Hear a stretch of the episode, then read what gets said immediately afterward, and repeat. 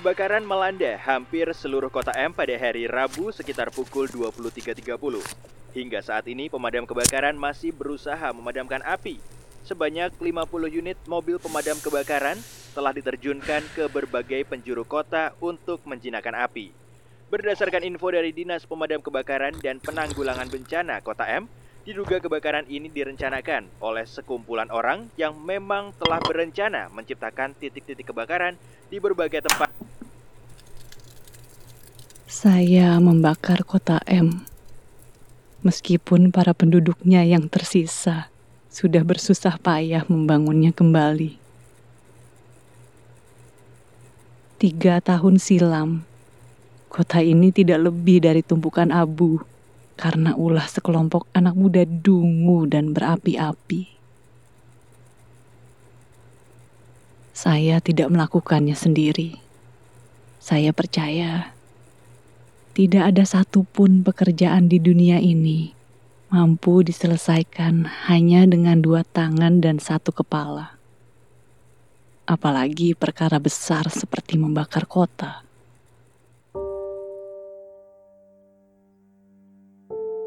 Dua tahun lamanya saya bekerja sebagai penyedia waktu di perpustakaan terakhir uang yang saya kumpulkan cukup untuk membayar 21 pemuda yang tidak tahu dan tidak mau tahu untuk apa mereka hidup. Menemukan pengangguran putus harapan seperti mereka sama mudahnya dengan melontarkan umpatan tidak bertanggung jawab terhadap kebodohan orang lain. Mereka lahir dari orang tua yang gila kuasa orang tua yang tidak pernah membiarkan anak mereka menentukan satu pun pilihan untuk hidup mereka sendiri. Para pemuda itu bahkan tidak bisa menyebutkan jenis musik yang mereka gemari. Jika kalian bertanya, mengapa saya membakar kota M? Demi apa pun yang selalu mengusik pikiranmu sebelum tidur kepala saya sudah retak oleh pertanyaan yang sama. Dan itulah alasan saya menuliskan pengakuan ini. Semata-mata demi menyelamatkan nyawa saya. Untuk menjawab pertanyaan saya sendiri tentang hal-hal yang saya anggap genting. Dan beberapa kali saya berhasil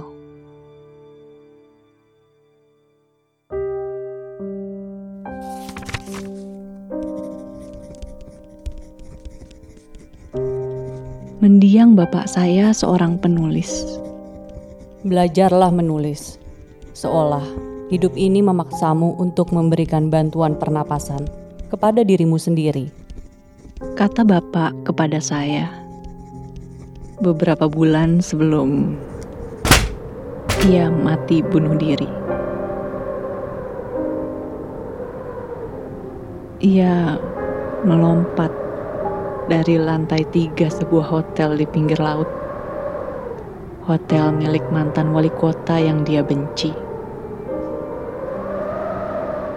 Hanya sedikit manusia di dunia ini yang tidak dibenci oleh bapak saya. Menurut dia, menjadi penulis adalah jalan paling aman bagi para pembenci, terutama bagi mereka yang membenci diri sendiri.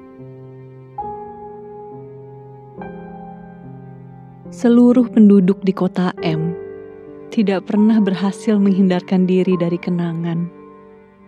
Mereka, termasuk saya, tidak lebih dari sekawanan manusia yang hidup berjalan mundur.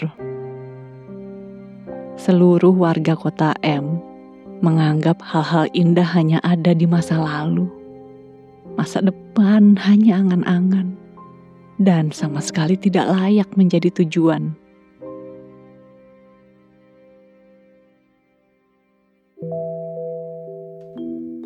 372 hari yang lalu, jiwa melamar saya di perpustakaan terakhir di jantung kota M.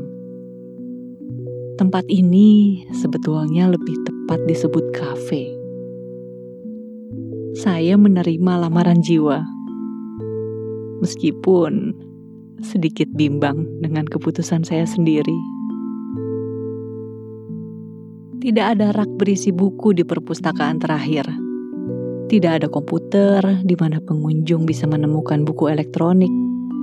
Dan sama sekali tidak ada buku yang bisa dipinjam atau dibaca. Sebagaimana umumnya perpustakaan yang kita kenal selama ini. Sejak kota M dibakar oleh para pemuda dungu sialan itu, tidak ada lagi orang yang memiliki waktu untuk membaca buku.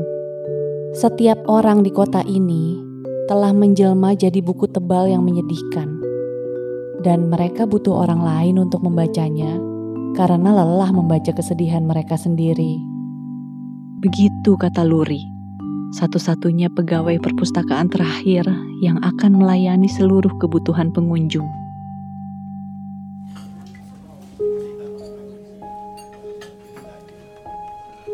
Perpustakaan terakhir sesungguhnya tidak pernah betul-betul ramai, kecuali sesekali di akhir pekan.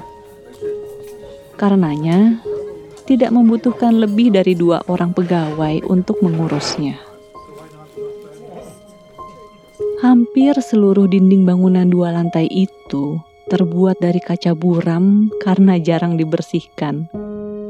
Ruangannya berisi meja dan kursi besi yang dicat dan ditata sekenanya. Satu meja diapit dua kursi, dan kalian bisa memesan minuman atau makanan layaknya di kafe biasa. Sepanjang menjadi penyedia waktu di perpustakaan terakhir, saya selalu memesan kopi. Hanya kopi. Sebab hal paling penting bagi orang yang susah tidur seperti saya adalah minum kopi. Luri yang menyeduh kopi. Dia paham betul selera saya. Dia juga memasak makanan pesanan para pengunjung. Luri adalah perempuan pendiam yang senang menulis puisi dia juga mengidap misofonia parah. Dia selalu menyumbat kedua telinganya dengan kapas jika ada pengunjung yang sedang makan. Bunyi decap lidah orang yang mengunyah makanan serta merta bisa membuat dia gila dan ingin jadi pembunuh. Luri pula yang mengatur jadwal pertemuan antara para penyedia waktu dan anggota perpustakaan yang membutuhkan perpustakaan terakhir adalah Luri.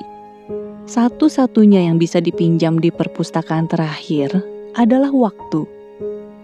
Dan hanya itu alasan kenapa disebut perpustakaan. Waktu adalah buku, atau buku adalah waktu, kata Luri.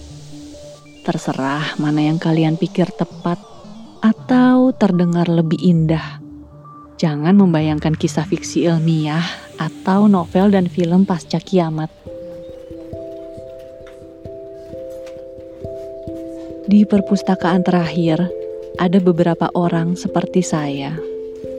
Kami bekerja menyediakan waktu beberapa jam setiap minggu untuk dipinjam oleh siapa pun yang butuh didengarkan atau dibaca. Jika kalian setuju dengan cara pandang Luri, Kebutuhan pokok penduduk kota M adalah dibaca.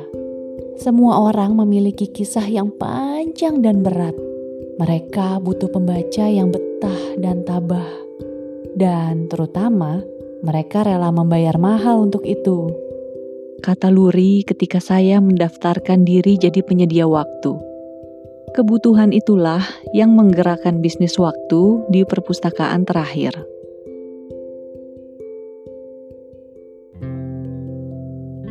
Di sela-sela pekerjaan utama sebagai penjaga toko pakaian, saya memutuskan menjadi penyedia waktu sejak perpustakaan terakhir dibuka. Dan barangkali seperti yang kalian sudah duga, Jiwa adalah salah seorang penduduk kota M yang sering dan senang menyewa waktu saya. Jika kalian bertanya, mengapa saya jadi penyedia waktu? Saya bisa menyebut sederet alasan yang barangkali terdengar lebih masuk akal dan tidak memancing rentetan pertanyaan lain. Seperti yang selalu saya katakan kepada orang-orang. Misalnya, untuk mengisi waktu senggang sambil mencari penghasilan tambahan. Dan memang keduanya tidak salah. Tetapi kepada jiwa dan hanya dia saya mengutarakan sejujur-jujurnya alasan utama saya. Saya ingin mendengarkan sebanyak mungkin kisah sedih yang lebih sedih daripada kisah hidup saya, supaya saya bisa memaafkan, atau lebih tepatnya menenangkan diri saya sendiri. Luri pernah mengatakan hal ini kepada saya, dan saya percaya. Jika kau masih ingin hidup, cara paling ampuh menyembuhkan satu luka adalah menutupinya dengan luka yang lebih besar.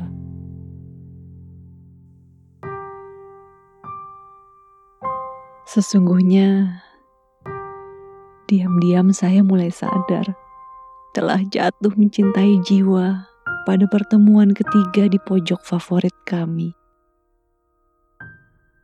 Balkon belakang perpustakaan terakhir. Hal itu membuat saya semakin benci diri sendiri karena merasa begitu mudah jatuh hati. Saya seperti menemukan laki-laki yang saya cintai, lahir kembali dari dalam diri jiwa. Laki-laki yang saya maksud adalah kekasih Alika, saudara kembar saya. Alika dan laki-laki yang saya dan dia cintai itu ikut hangus terbakar. Mayat mereka tidak pernah ditemukan. Kadang, dengan sungguh-sungguh geram, saya bayangkan mereka mati sambil berpelukan di bilik penginapan murah. Tubuh telanjang mereka dilumat api hingga habis.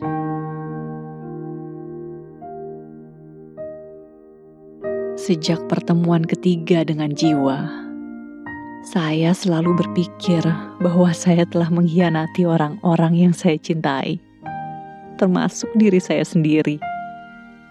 Terdengar tolol memang, saya tahu. Setiap detik hidup saya berubah menjadi pelajaran mengendalikan diri. Saya menyebutnya pelajaran, sebab terlalu berlebihan dan konyol kalau dibilang perjuangan. Namun, ibu saya yang malang dan sangat mencintai mendiang bapak saya pernah bilang, "Cinta adalah penderitaan yang tidak mampu dielakkan oleh siapa pun.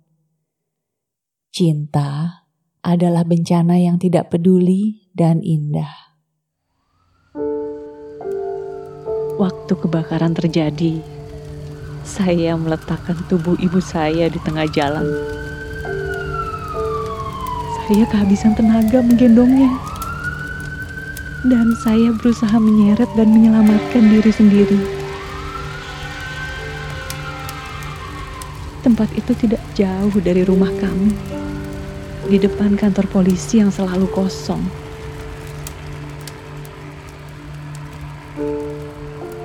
Kadang-kadang, kalian tahu, saya sedih sekali dan ingin bunuh diri jika mengingat kejadian itu.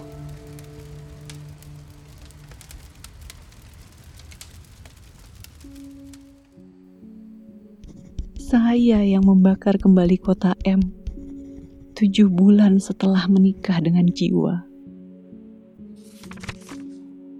Sampai di bagian ini, saya belum tahu mengapa saya melakukan kebodohan yang sebelumnya dengan baik telah ditunjukkan oleh sekelompok pemuda goblok.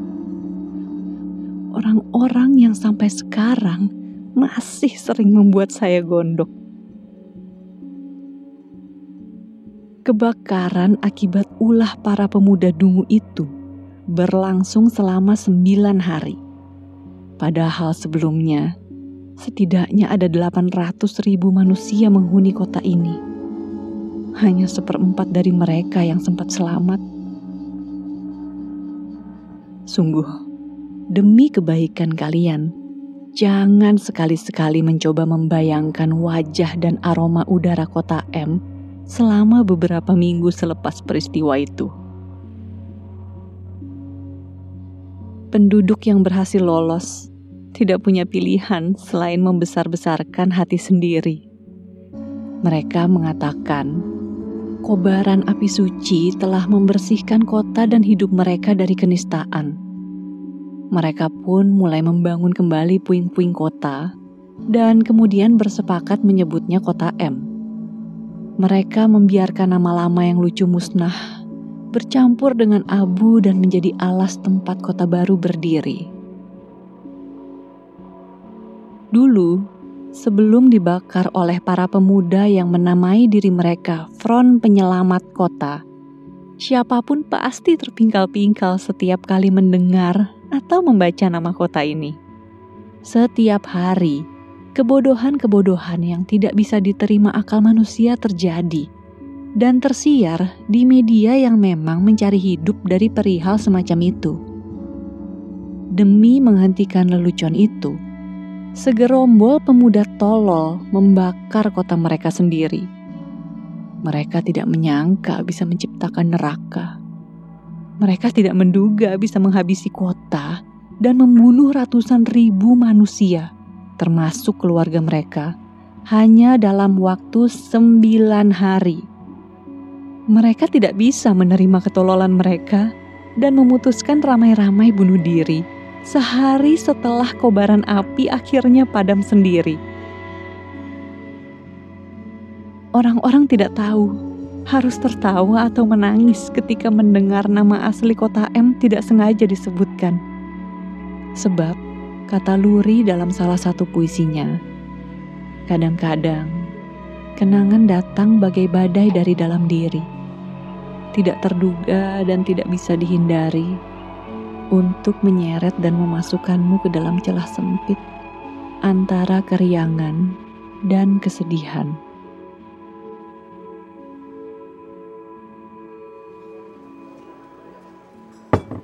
Saya minum terlalu banyak kopi hari ini.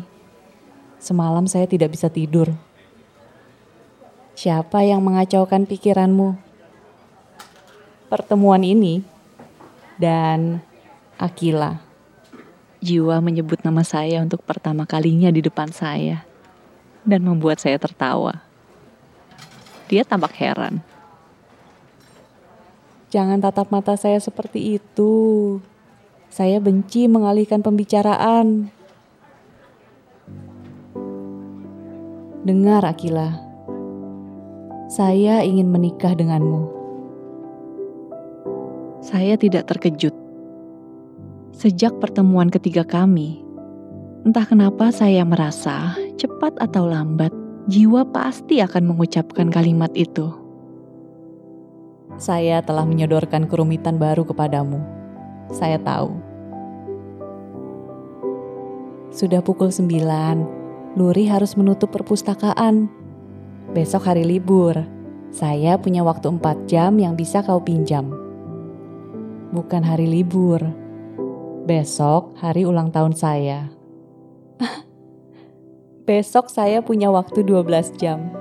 Semuanya untukmu. Cuma-cuma. Dan dan saya siap jadi istrimu. Luri memadamkan satu demi satu mata lampu di ruang dalam perpustakaan saya dan jiwa beranjak meninggalkan balkon. Sebelum masuk dan melewati pintu, tidak jauh dari tangga, jiwa menarik tangan saya dan mengecup punggungnya. Dan saya mendongak. Langit dipenuhi bintang-bintang. Tidak ada bulan.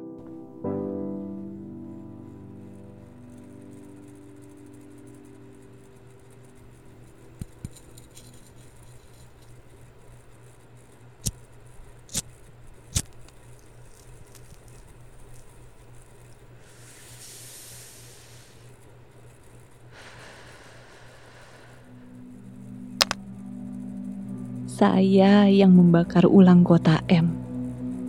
tujuh hari setelah jiwa bunuh diri. Sungguh mati. Saya tidak paham kenapa dia mengakhiri hidupnya dan meninggalkan saya dengan cara yang begitu menyedihkan. Saya telah berusaha semampu saya mencari tahu penyebabnya. Tapi tidak ada satupun petunjuk yang bisa membantu saya untuk mengerti apa yang sesungguhnya terjadi. Kebingungan saya mencapai puncaknya sehari setelah pemakaman jiwa. Saat itu, Luri menyerahkan selembar surat wasiat dan kunci perpustakaan terakhir. Sehari setelah itu, Luri menghilang, entah ke mana. Dalam surat wasiat tersebut, jiwa mengatakan perpustakaan terakhir sekarang sah menjadi milik saya. Betapa tolol saya tidak mengetahui bahwa jiwa adalah pemilik perpustakaan terakhir. Malam itu, dari jantung kota, di balkon belakang perpustakaan terakhir, saya mulai menyalakan api para pemuda harapan yang saya bayar melakukan hal yang sama dari sudut-sudut berbeda yang sudah ditentukan. Saya yang membakar kota M sekali lagi. Dan sampai di sini, saya sama sekali belum tahu mengapa saya melakukannya.